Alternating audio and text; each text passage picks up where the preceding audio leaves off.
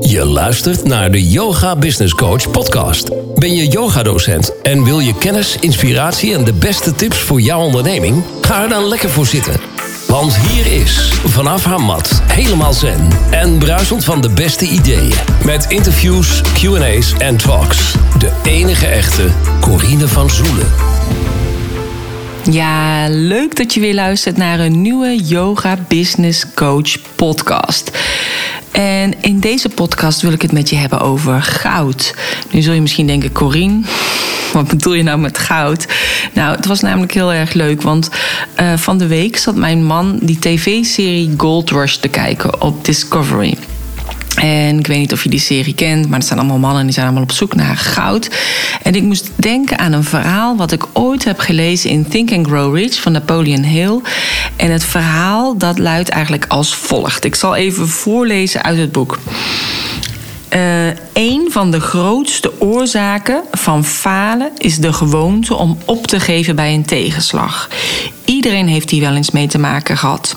En een oom van R.U. Darby kreeg vorige eeuw in de tijd van de goudzoekers last van goudkoorts en ging westwaarts om te graven en om rijk te worden.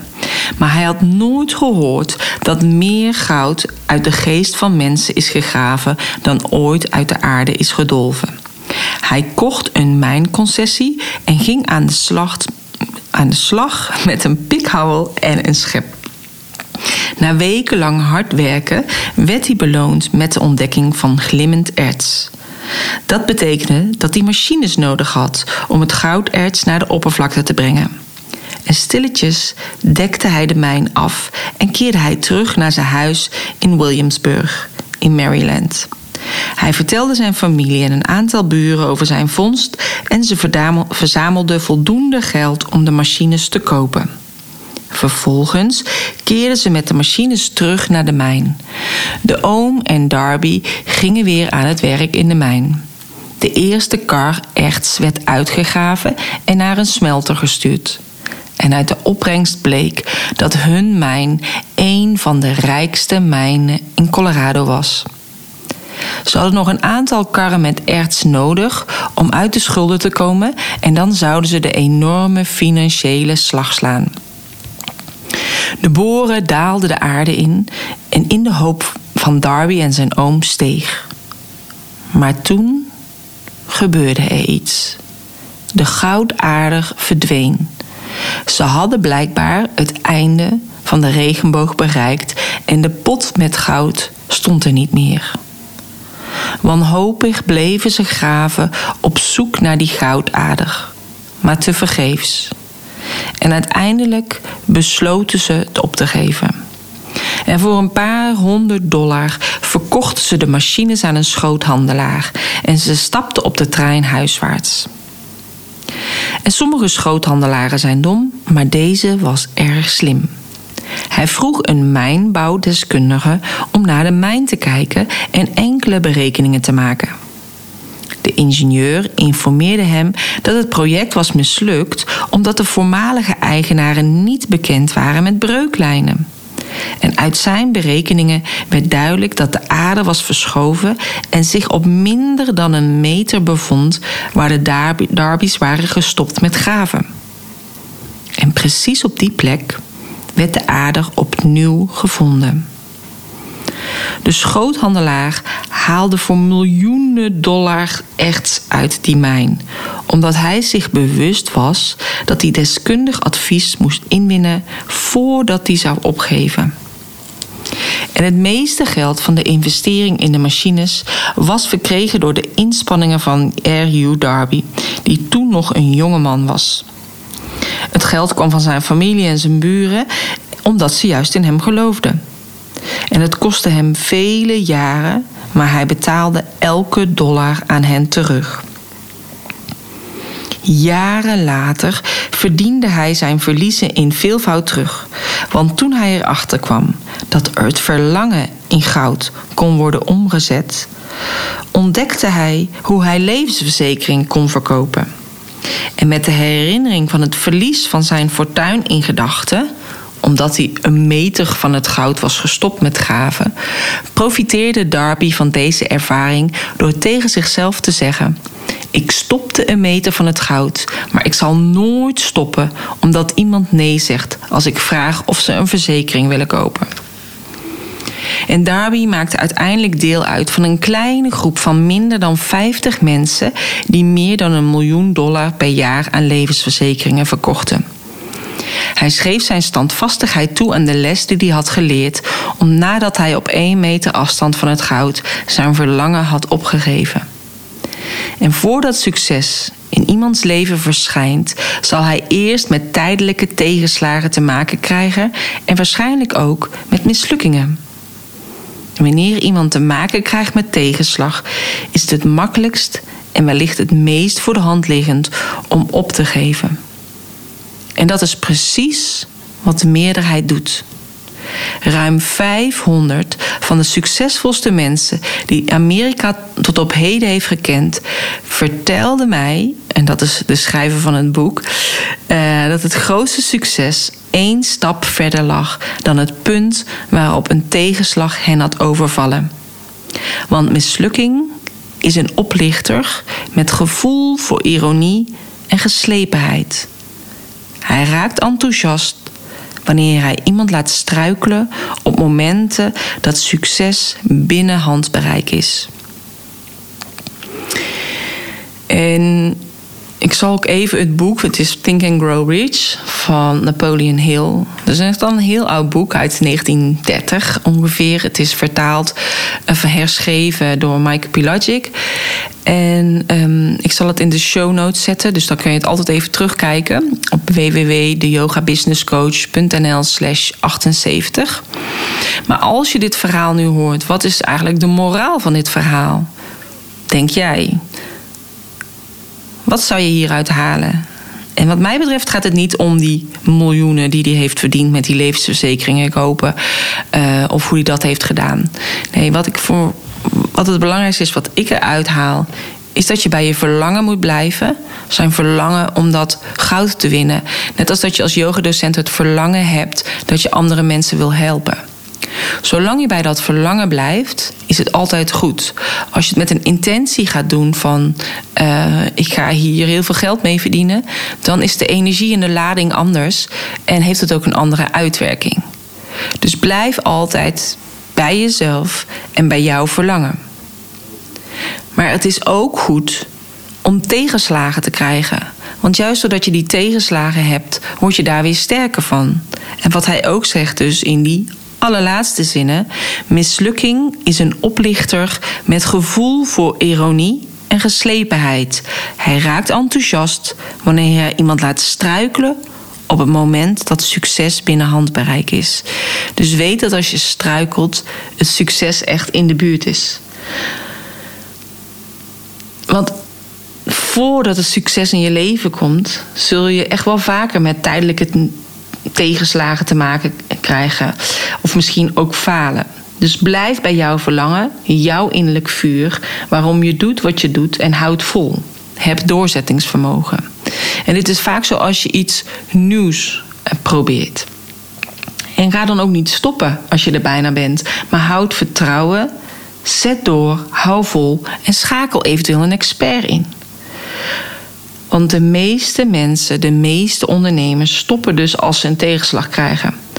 Maar succes is dus één stap of eigenlijk één meter verwijderd van een mislukking of van een fout. En ik zie ook veel yogadocenten en yogastudio-eigenaren, yoga-ondernemers die heel graag nieuwe leerlingen willen aantrekken. Die willen ontdekken op wie ze zich gaan richten. Die zichtbaar willen zijn op social media en in hun woonplaats. Maar ze zijn bijna bij dat goud. Maar soms stoppen ze te snel. Of zeggen ze, ja, dit is toch echt niks voor mij. Of ze vergeten om een expert in te schakelen. En zelf heb ik altijd, als ik iets graag wil en niet weet hoe ik daar het beste kan komen, dan huur ik een expert in. Iemand die het pad al heeft bewandeld. Zo wil ik bijvoorbeeld al jaren een kaartdek maken. Of nog misschien een keer een boek schrijven. Of misschien wel een magazine maken.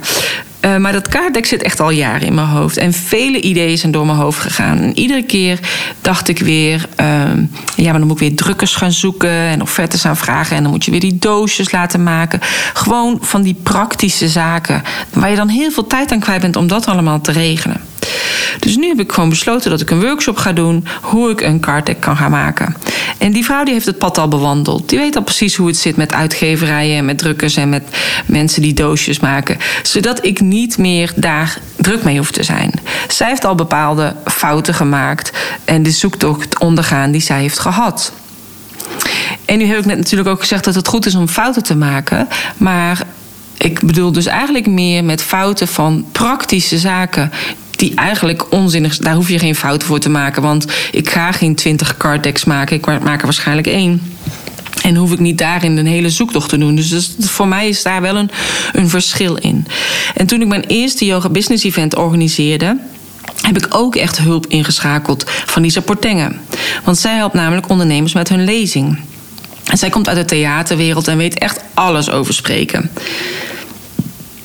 Toen ik meer balans wilde tussen werk en privé, nam ik een life coach. En toen ik wilde leren hoe ik een online programma moest maken, nam ik een business coach. En dit is ook een totale andere manier hè, van denken. Het is een andere mindset. Want als zelfstandige zonder personeel ben je gewend om eigenlijk alles alleen te doen. Je geeft je yogales, je doet je ledenadministratie, je boekhouding, social media, marketing, eh, de schoonmaak, zoveel meer. Maar als je niets weet over een bepaalde tak binnen de yoga, dan doe je daar een opleiding of een bijscholing voor. Een extra senioropleiding of anatomie of andere yogavorm. Maar je kunt niet ook nog eens een keer een extra cursus erbij gaan doen over boekhouden. Dat blijft vaak liggen, want daar ligt de interesse helemaal niet. Social media en techniek ook niet. En het heeft alles te maken met onze hersenhelften. Want als yogadocent gebruik je namelijk een andere hersenhelft dan een techneut. En als je daar meer over wil horen, luister dan ook vooral de podcast met Roy Martina. Uh, waarin we het daar echt uitgebreid over gehad hebben. En die link zal ik anders ook in de show notes uh, plaatsen op www.deyogabusinesscoach.nl slash 78. Um, want een cursus ondernemen, dat zet je niet snel op je to-do-lijstje. En een cursus ondernemen levert je wel geld op. Want je investeert aan de ene kant en met de kennis die je krijgt, leer je hoe je je bedrijf runt en wat voor ideeën je kunt krijgen om weer geld te genereren. En komt het dus aan de andere kant het geld er weer bij. En dit is toch fantastisch? Dus eigenlijk de beste investering in jezelf. Dat heb ik echt vaak gehoord, maar dat is ook echt zo. En soms hoor ik ook van uh, docenten: ja, ik kan het geld maar één keer uitgeven. Dat is ook, en als je je geld uitgeeft, het, is, het belangrijkste is vakkennis. Maar als je zorgt dat je die vakkennis hebt, duurt het ook even voordat je dat geld terug hebt verdiend. Maar als je leert hoe je juist verschillende verdienmodellen kunt maken en daarmee geld kunt genereren ja, hoef je het geld niet één keer uit te geven. Dan kun je het geld wat je daarin renegeert, kun je alsnog die bijscholing gaan doen. En toen ik bijvoorbeeld vroeger bij een baas werkte en een opleiding wilde doen, moest ik dat eerst altijd aanvragen. Dan kreeg ik goedkeuring. En als ik dan eerder wegging bij dat bedrijf, dan moest ik daar natuurlijk voor tekenen dat mijn nieuwe baas die opleidingskosten op zich ging nemen.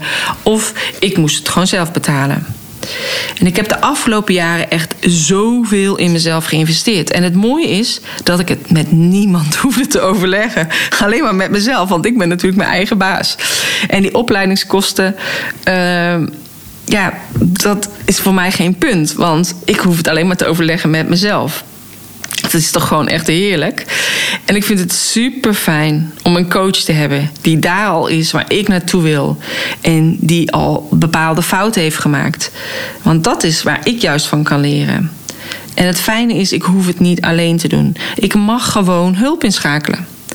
Want vroeger toen ik leerde fietsen liep mijn vader naast me. Toen ik leerde autorijden zat mijn instructeur naast me. En bij de PABO had ik een mentor op school. Je moet alles leren. Overal is een eerste stap voor. Je bent van alles één stap verwijderd. Want je mag hulp vragen. Dat mag. Maar dat vinden heel veel mensen lastig. Want ze denken allemaal dat ze het alleen moeten doen. En mijn online trainingen, zoals van bijbaan naar bedrijf, echt voor starters, maar ook in te zetten als je al jaren ondernemer bent. En mijn training van yogadocent naar online yogadocent, waar ik je eigenlijk leer om een online programma te maken, uh, zijn ondernemerstrainingen. Want tuurlijk is het eindresultaat een online programma. Maar daar voorafgaand zit echt een hele andere mindset switch. En je gaat echt leren om te ondernemen. Het is gewoon een ondernemerstraining. En ik leer je wat je op school niet leert. Wat je bij een yogaopleiding niet leert. Maar wat wel mega belangrijk is als je ondernemer wilt zijn of als je ondernemer bent. Want ik heb ook echt docenten die al 20 of 30 jaar ondernemer zijn, maar zich nu pas een echt een ondernemer voelen. Want veel docenten en yoga-ondernemers die starten met hun trainingen, voelen met deze training, voelen zich dan ineens ondernemer. Doordat ze die andere mindset hebben. En doordat ze zichzelf en hun bedrijf ineens serieus gaan nemen. Ze gaan zich beter positioneren binnen hun woonplaats. Ze zijn zichtbaarder. Ze schrijven een boek. Um, ze krijgen meer leerlingen. Zien andere opties voor verdienmodellen. Omdat ze dat hebben geleerd hoe dat werkt. En ze worden meer gevraagd voor samenwerkingen. Ze komen in de media, hun omzet verdubbelt. Ze blijven zich ontwikkelen op allerlei vakgebieden. Dus niet alleen yoga. En als jij ook op zoek bent naar jouw goud, zorg dan dat je niet stopt voordat je er bijna bent. Maar zoek een expert, op, op wat voor gebied dan ook, waar jij op dat moment behoefte aan hebt. En heb vertrouwen in jouw proces. Het is niet makkelijk, maar houd vol. Blijf bij jouw verlangen, wat jij graag wil neerzetten.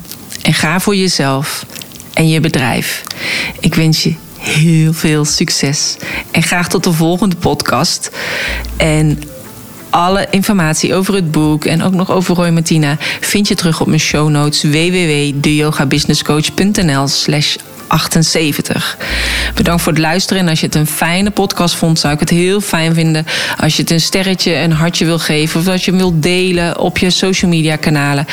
En tag mij dan er vooral in, want dat vind ik ook super leuk om te zien wie er allemaal luistert. Dankjewel voor het luisteren en tot de volgende keer. Namaste.